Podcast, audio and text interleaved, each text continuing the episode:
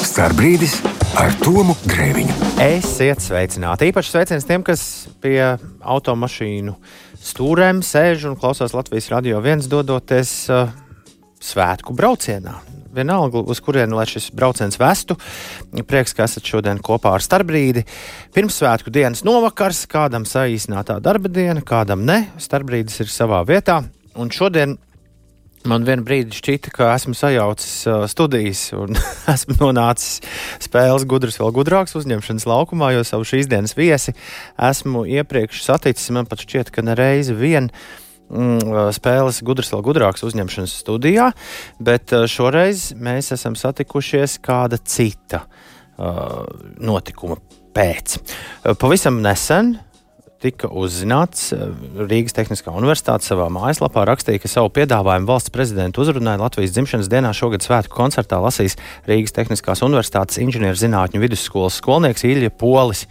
Un Ilja kopā vēl ar diviem latviešu, Latvijas jauniešiem no Ojāra Vāciešu Gaujienas pamatskolas, Agneti Esmeralda Lauci un Alojas Ausakļa vidusskolas skolēnu Elijas Jānu Priedīti rīt piedalīsies īpašajā, īpašajā 18. novembra Latvijas 105. dzimšanas dienas koncertā, kas notiks Latvijas Nacionālajā teātrī. To translēs arī Latvijas radio klasika, un to varēsiet skatīties Latvijas televīzijā. Īļa, es sveicināts! Sveiki! Ar kādām sajūtām tu sagaidi gaidāmās brīvdienas un Latvijas dzimšanas dienu? Noteikti ar uh, sajūsmu par to, ka man būs iespēja piedalīties koncertā, ka man būs iespēja uzstāties un ar savu uzrunu dot vēstījumu latviešiem, Latvijas tautai, un tas ir liels pagodinājums. Un noteikti es sagaidu arī brīdi pēc tā koncerta, kad es varēšu aizbraukt uz mājām un atpūsties, jo šī nedēļa bija diezgan aizraujoša. Tas notika septembra sākumā, kad uh, Latvijas valsts prezidents izsludināja konkursu 5. un 12. klasu skolēniem, gatavojoties Latvijas Republikas proklamēšanas gada dienai. Tātad uh, skolēni tika aicināti piedalīties konkursā konkursā iztēloties sevi valsts prezidenta amatā un sagatavot 18. novembra svētku uzrunu tautai. Uh, kā tu par šo konkursu vispirms uzzināji, un kurā mirklī tev šķita, ka jā, šeit es varētu startēt? Mūsu latviešu valodas skolotāja uzrakstīja mūsu klasē e-pastu e-klasē ar aicinājumu piedalīties šajā konkursā. Sākumā es noskatījos un īpaši nepievērsu tam uzmanību, bet tad, tuvojoties tam nodošanas laikam, es atcerējos par šo konkursu un šo iespēju. Un kaut kur bija nedēļa pirms, kad es sapratu, ka noteikti ir vērts pamēģināt, un ja sajies, tad es piedalīšos un tikšu. Bet uh, es nebiju vēl tik pārliecināts, un tad uh, es tagad dzīvoju kopmītnēs, un kad es atbraucu uz mājām pie tēta, mēs galīgi norunājām, un mēs izlēmām, ka, mēs uzrak nu, ka es uzrakstīšu šo uzrunu. Mēs uh, viņu pārbaudīsim, un tad uh, jau nodosim kopā. Un tas bija divas dienas pirms nodošanas termiņa, un tad pēdējā brīdī es visu sarakstīju un veiksmīgi aizsūtīju šo darbu. Tēvs arī palīdzēja ar ideju? Um, nedaudz, jā. Tas ir mūsu kopējais uh, brainstormā rezultāts. Es domāju, tā galvenā runas ideja. Taču pamatā bija doma, ka jūs vēlaties visai Latvijai kaut ko konkrēti Jā. pateikt, kaut Jā. ko, ko neviens cits nepasaka. Jā. Kas tas ir? Tas ir, ka mēs katrs. Uh, Mēs katrs esam daļa no Latvijas vēstures grāmatas, kura jau iesākās jau 1918. gadā ar Latvijas republikas proklamēšanu. Un uh, no mums katra ir atkarīga mūsu nākotne. Tas ir ļoti svarīgi, kādu vēsturi mēs uzrakstīsim šodien. Un no tā būs atkarīga mūsu nākotne. Un ka šo katram ir sava lapuse, ka ikvienam skolēnam, ikvienam skolotājam, ikvienam, ikvienai, ikvienam darbiniekam katram tētim, katrai mammai ir sava lapuse, un tas ir ļoti svarīgi rakstīt to lapusi tā, lai katram būtu prieks, ja viņš varētu šo lapas pusi izlasīt. Šodien starpbrīdī pie mums ir desmitās klases skolēns Ilija Polis, kura sagatavoto uzrunu jūs arī rīt dzirdēsiet šajā konkursā. Pirmais jautājums, ko Iljam uzdeva, kad mēs šodien satikāmies, cik daudz režisors no tās runas, kur tu biji radījis, izmeta laukā un teica, tā, tagad tu teiksi tā un darīsi šādi. Kopumā izmetā kaut kur pusi no manas runas. Mums ir jāiekļaujas divu minūšu radiusā. Tajā kon tā koncerta laikā tādēļ izņēma diezgan daudz. Tomēr lielu izmaiņu tieši saturiski, protams, nebija.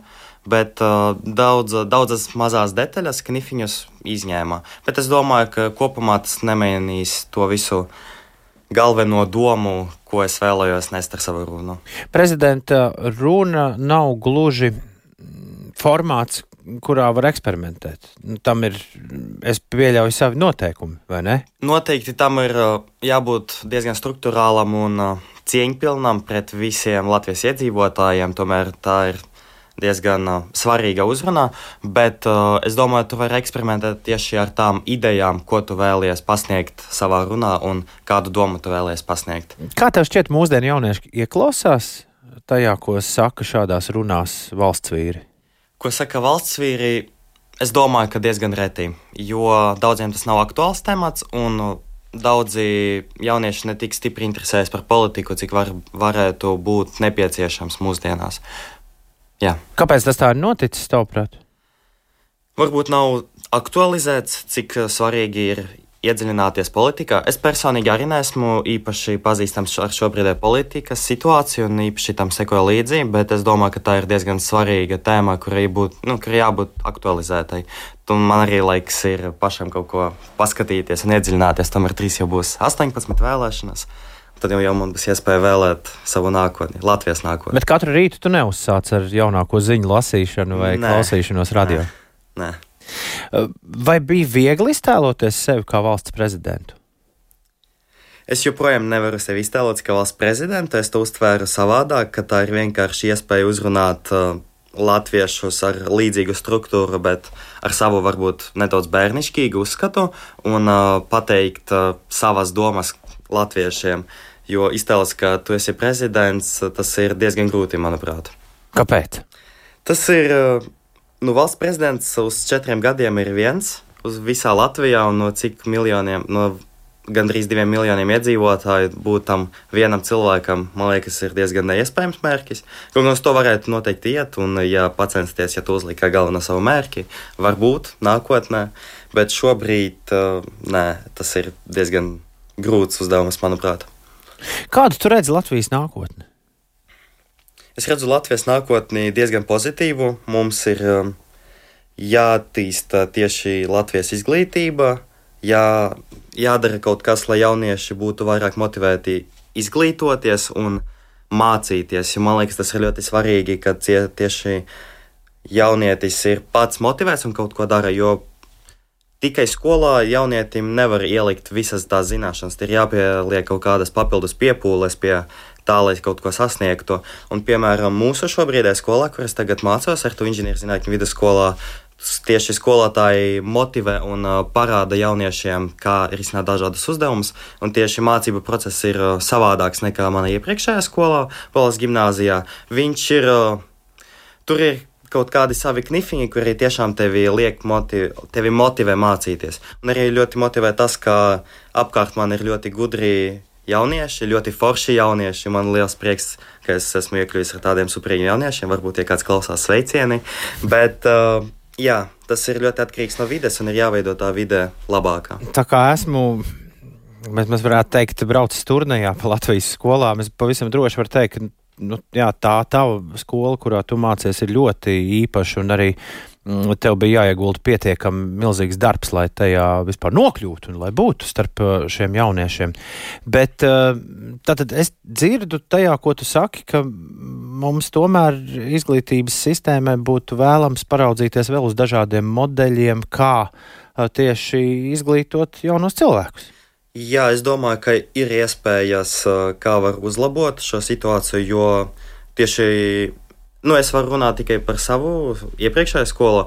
Mums ir ļoti aktīvi jaunieši kultūras jomā, un mūsu skola pašpārvaldes balvas gimnāzija bija ļoti superīga. Tiešām mums bija ļoti daudz pasākumu un daudzi sasniegumi. Tomēr izglītības jomā varbūt dažādu izmaiņu dēļ, dažādas programmas. Mums šobrīd eksistē skola 2030, pie kuras vēl daudzi skolotāji nav pieraduši, kas arī apgrūtina mācību procesu. Tā ir lieka problēma gan jauniešiem, gan skolotājiem. Un uh, rodas motivācijas trūkums no abām pusēm, un tad tas mācību process ar katru brīdi kļūst uh, vājāks un vājāks. Un, uh, no tā rodas problēmas. Es tev saprotu pareizi. Tātad uh, uzlabota izglītības sistēma būtu lielāks motivators jauniešiem mācīties. Jā, tas ir jāveido ar mērķi, lai motivētu jauniešus. Man liekas, motivācija un vēlme mācīties ir svarīgāks faktors, lai, ko, lai vispār iegūtu izglītību. Tu nenovēro šo, šo motivāciju. Ļoti daudz jaunieši ir motivēti, bet uh, noteikti tie nav visi, un daudziem ir citas prioritātes šobrīd uh, situācijā. Daudzi neuzskata, ka izglītība ir tik nepieciešama, cik viņi ir patiesi. Un, ja šo varētu kaut kā mainīt, tad tas būtu ļoti forši, manuprāt. Kāds noteikti šobrīd tevi klausās un ir aizdomājies par visu to, ko tu saki? Starbrīdis ar Tomu Grēviņu. Šodien starpbrīdī viesos šķiet līdz šim jaunākais starpbrīža viesis - Rīgas Tehniskās Universitātes inženierzinātņu vidusskolas desmitās klases skolēns Ilja Poļis, kurš rīt 18. novembrī Latvijas Republikas proklamēšanas 105. gada dienai veltītajā svētku koncertā Latvijas Nacionālajā teātrī nolasīs savu kā valsts prezidenta svētku uzrunu tautai. Ar tevi, Ilja, esam, kā jau tu teici, redzējuma sākumā tikušies vairāk kārt. Divreiz tu esi piedalījies Latvijas televīzijas spēlē Gudrs vēl gudrāks. Abas reizes ticis līdz finālam. Uzvar gan vēl jāsaorganizē, vai ne? Vai ne? tu esi piedalījies Olimpijādēs, 8. klasē, atklātajā matemātikas olimpiādē, otrā vieta. Tu dziedi korī, ej skolas teātra pulciņā, sporto. Latvijas čempionātā vieglatlētikā 100 metru disciplīnā tev ir piektā vieta. Brīvajā laikā tu spēlē šahu. Tev patīk piedalīties dažādos konkursos, olimpiādēs, sacensībās. Ik reiz ir satraukums. Satraukums ir vienmēr, bet uh, ar pēdējiem gadiem tas uh, satraukums ir mainījies. Tā formā es cenšos pārveidot savu satraukumu par uh, kā, uzbudinājumu un to emociju, ka es sagaidu, ka tas tūlīt notiks, ka man būs iespēja sevi parādīt konkurēt un arī izcīnīt kaut kādu uzvaru vietu. Un tad, piemēram, pirms priekšnesumiem mums nesen skolā bija izrāde svinīgais koncerts 105. Latvijas Republikas proklamēšanai gada. Proklamēšanas gada dienai. Un, uh, tad es uzstājos arī ar teātrī izrādi. Un, uh, bija liels uztraukums, jo tā bija mana pirmā pieredze. Tomēr beigās rezultāts sanāca fenomenāls. Visiem bija ļoti labas atsauksmes. Un, uh, tas uztraukums bija tiešām liels, bet uh, ar viņu var tikt galā publiska uzstāšanās un sports. Startējot vienā vai otrā, tie uztraukumi ir vienādi vai atšķirīgi? Dažādi, noteikti dažādi, jo, piemēram, vietlēta ir individuāls sporta veids, un tu saproti, ka tavs rezultāts ir ietekmēs palielam tikai tevi, varbūt kādu ģimenes radinieku, kādu draugu, bet uh, tas ir ietekmē tikai uz tevi, un tu parādi, tu mēģini pierādīt sev, ka tu esi spējīgs uz kaut ko. Bet uzstājoties publiski, tu sagādā kaut kādu priekšnesumu, tu mēģini ietekmēt jau skatītājus, dot viņiem kaut kādas emocijas, uh, aiz, aizkustināt kaut, vai dot kaut kādu domu, vēstījumu. Uh, ko tu vēlēsies parādīt ar savu to publisko priekšnesumu. Tad no tava skaidrojuma es saprotu, ka par profesionālu sporta karjeru tu nedomā. Nē, nē, noteikti nē. Bet eh, šobrīd, ja es visu sapratu pareizi, savā vecuma grupā tu esi piektais ātrākais 100 metru skrejējs Latvijā. Jā, tas bija pagājušajā gadā. Šobrīd, kad es pārvācos uz Rīgu, man vēl vairs nav, nu, vairs nav iespējas nodarboties profesionāli. Es vēl neesmu meklējis, un es arī visticamāk nemeklēšu kādu klubu, kur es varēšu piedalīties tieši vieglietikā. Man šo astoņu gadu pietika, bet eh, es cenšos eh, sportot pats, lai saglabātu fizisko formu. Un, fizisko sagatavību un arī veselība ir ļoti svarīga, lai mācītos un kaut kur arī piedalīties tālāk. Kāpēc tas ir svarīgi, lai mācītos? Tas uh, sports, uh, kā fiziska, fiziskie vingrinājumi ļoti palīdz mentāli, palīdz atbrīvoties no sliktām domām vai kaut kādiem traucējumiem, un arī pēc uh, tāda fiziska noguruma ir daudz vieglāk koncentrēties uz mācībām, vismaz man. Bet kāpēc plinti met krūmos, piektā vieta jau izklausās diezgan labi? Izklausās diezgan labi, bet uh, ar vieglietīku man bija traumas, diezgan smagas vieglietīkā. Es biju piedalījies 7. Uh, klasē sacensībās, tad es vēl biju augstlacējs. Un man sanāca, ka pat nebija paspējušies sākties tieši sacensības. Un pirmais leciens, es uh, skrienu, le, es mēģinu izlaikt, bet tad es nokrītu, sāku kliegt, ļoti sāp, trauma, un izrādījās, ka man ir salauzti divi kājas kauli. Un tad es, man bija deviņu mēnešu pārtraukums no sporta. Ļoti smaga trauma. Bet pēc tam es joprojām turpināju sportot, taču ar katru gadu tie treniņi kļūst daudz nopietnāki, un tas ir risks veselībai. Savukārt mums Ilgi ir atsūtījuši vairāk klausītāju jautājumus vai komentāru. Drīzāk es teiktu, mūsu klausītājs Valdis raksta, liels prieks par tavu šodienas viesi. Forši, ka jaunietis spēja loģiski, kritiski novērtēt realitāti. Tā kā strādāju arī skolā, bieži saskaros ar jauniešiem, kuri nav tik motivēti kā šodienas viesis. Bet klausoties viņu un redzot, ka ir arī savādāki jaunieši, man tomēr šķiet, ka Latvija nenogrims. Ir un būs labi. Lai mums visiem lieliska Latvija. Of, tev ir kāds komentārs? Nu, Palielam, ne, man ir prieks, ka mans viedoklis ir kā, uzklausīts un pieņemts. Tas ir ļoti patīkami vārdi. Kā tu teiktu, kas tevi dzen uz priekšu? Tu tā kā varētu, tāpat kā daudz citi tavu vienaudži, nu, tā teikt, dzīvot šodienai. Nu, visvairāk man ir dzēns, protams, tētis. Liels, lieli sveicieni tētim. Es ceru, ka viņš noteikti šo klausās.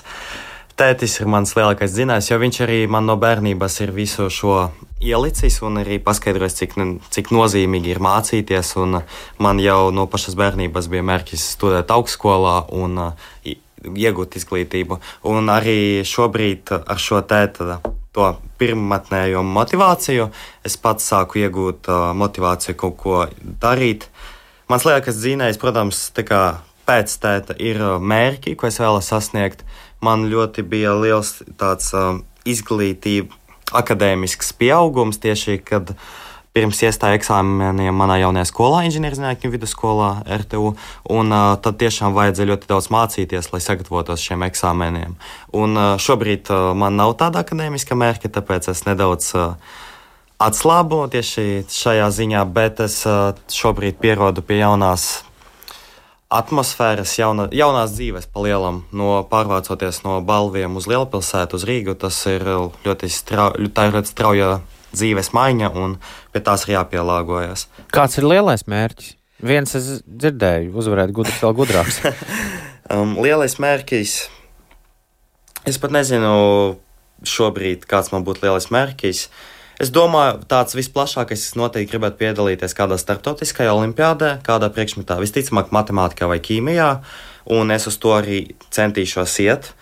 Un, bet diezgan tāds tuvāks, varbūt nākotnē, tieši universitātē es vēlos iegūt, protams, izglītību, es vēlos iegūt doktora grādu, tad kļūstot par zinātnieku, es vēlos kļūt par mācību spēku un arī strādāt vai universitātēs, vai arī kādā skolās un tiešām radīt to vēlmi jauniešiem mācīties. Tas ir mans tāds mērķis tieši profesionāls. Klausītājs Jānis, acīm redzot, mums abiem diviem prasa, kādam jūsuprāt ir jābūt labam neprezidentālas republikas prezidentam. Es teiktu, ka tomēr mūsu gadījumā oratora funkcija dažādās valodās ir svarīgākā. Kā tev šķiet? Jā, uh, es nav līdz galam sapratu jautājumu, ja godīgi. Jautājums ir, kā tam ir jābūt labam mūsu tātad mūsu prezidentam? Mūsu prezidentam. Nu, respektīvi, prezidentam, kurš nav, uh, kurš kur valstī patiesībā nu, tos galvenos darbus dara. Dara saima, jā. jā.